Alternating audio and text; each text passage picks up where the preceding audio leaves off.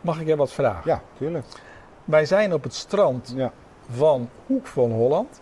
Mhm. Wij hebben een ladder meegenomen in de metro. Want de metro rijdt nu helemaal naar het strand. Ja, dat was wel tof. Maar Want, en maar vijf minuten lopen, hè? ja, dat Lekker, is, man. ja, je bent zo op het strand. Maar mag ik jou vragen, waarom heb jij een ladder meegenomen naar het strand?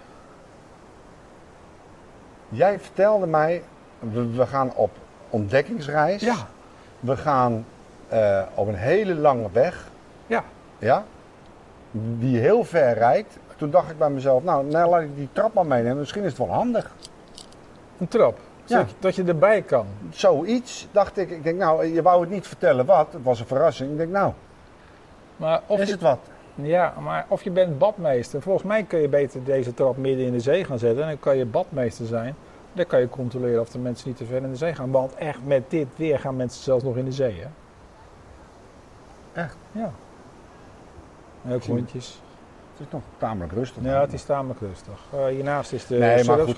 Joh, eh, dat is een, een fout van mij. Doen. Dus die, ja, want die mensen keken wel heel vreemd in de metro dat jij met een trap aan het sleuren